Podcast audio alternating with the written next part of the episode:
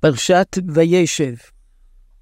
ידועה הדרשה של חז"ל, ידועה הדרשה של חז"ל על הפסוק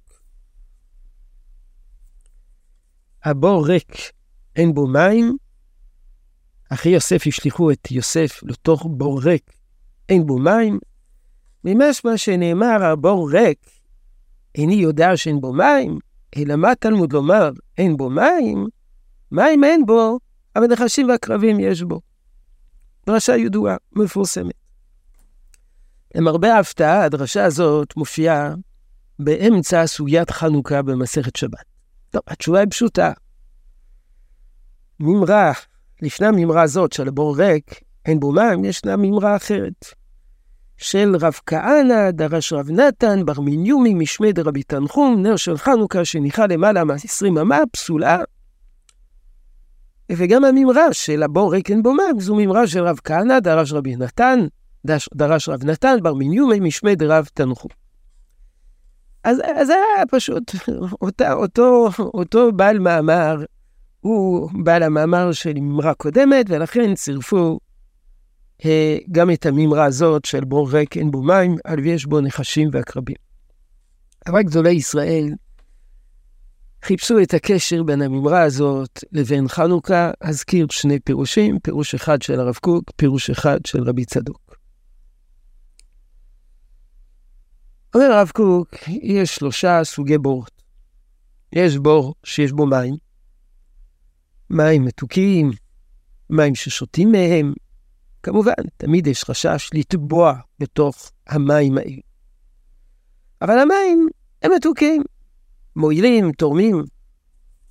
יש בור ריק, אין בו כלום, אפשר למלא אותו. אפשר למלא אותו בדברים הכי טובים שיש, אבל כרגע הוא ריק. ויש בור שיש בו נחשים ועקרבים. חג החנוכה הוא חג ההתמודדות עם תרבויות זרות, מאז יוון ועד ימינו.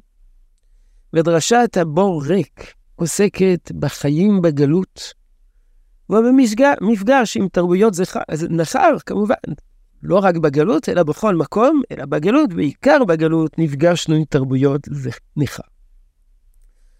אומר הרב קוק שקיימות שלוש גישות אל הגלות ולתרבויות המקיפות אותנו, תרבויות ניכר, תרבויות זרות.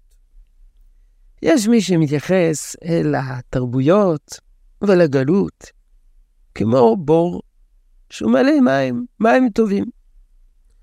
אז למה אנחנו כל כך סובלים בגלות, אם המים של הגלות הם אמורים להיות טובים ואנחנו יכולים לרוות את צמאוננו מהן? זה הבדל שאנחנו לא יודעים איך להשתמש עם, ה... עם התרבות, לא יודעים איך להשתמש, איך להתנהג עם אומות העולם.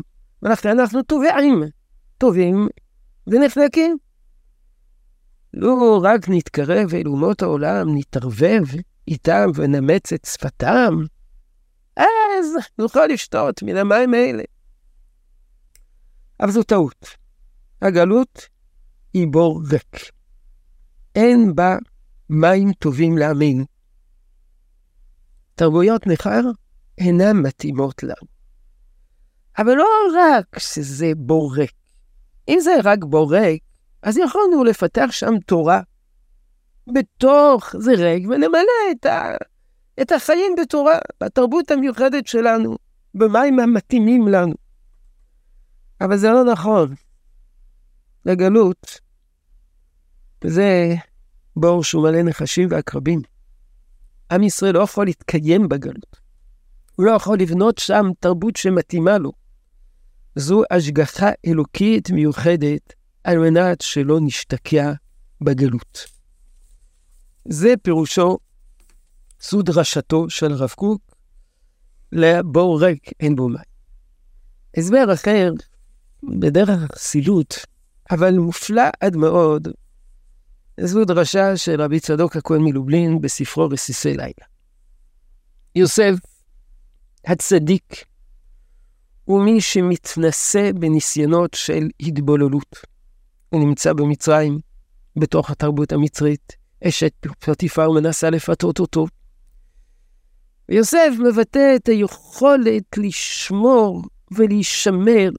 יוסף הצדיק עמד בניסיונות ההתבוללות. ובתכלית הריחוק מאומות העולם. זו הבחינה המיוחדת שלו. אבל אחיו לא האמינו לו. אמרו שאם הוא יחיה בין אומות העולם, הוא יתבולל. כל עוד שהוא בבית יעקב ונהנה מאורו, הוא עומד על שלו. אבל בין אומות העולם, וכי הוא יצליח להתמודד ולשמור על זהותו הישראלית, לכן החליטו לנסות אותו. נשלוך אותו בין אומות העולם, וגם נעלים ממנו את התורה. בור ריק שאין בו מים. לבדוק האם מעצמו ידבק, ידבק בישראל ובשם. הניסיון לבדוק מה בליבו. בעצם זה ניסיון לבדוק מה הזיקה שלנו, הפנימית, לקדוש ברוך הוא, לעם ישראל. האם שוכנת בנו סגולה ישראלית, שהיא עמידה בכל מצב ובכל תנאי, גם כאשר חסר לה תורה. ואילו דברים הנפלאים של רבי צדוק. זהו שורש קדושת היסוד לכנסת ישראל. יוסף מסמל את שורש קדושת היסוד לכנסת ישראל. שאין צריכים לעצות לדברי תורה. שגם בלי תורה יש בהם קדושה פנימית סגולית. אין צריכים לעצות לדברי תורה, כי הם מתקשרים בהשם יתברך לגמרי, ביסוד קבוע וקיים, שלא ינתק, בין על ידי מסיתים ומפתים כנחש וסור שבעיסר, בין על ידי כפייה וגזרות וייסורים כעקרבים. הבור ריק, אין בו תורה.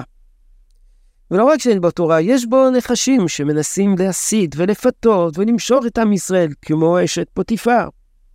ויש כפייה, זורקים אותו לבית הסוהר, בתוך בור, גזרות וייסורים, כעקרבים ושיבון מלכויות.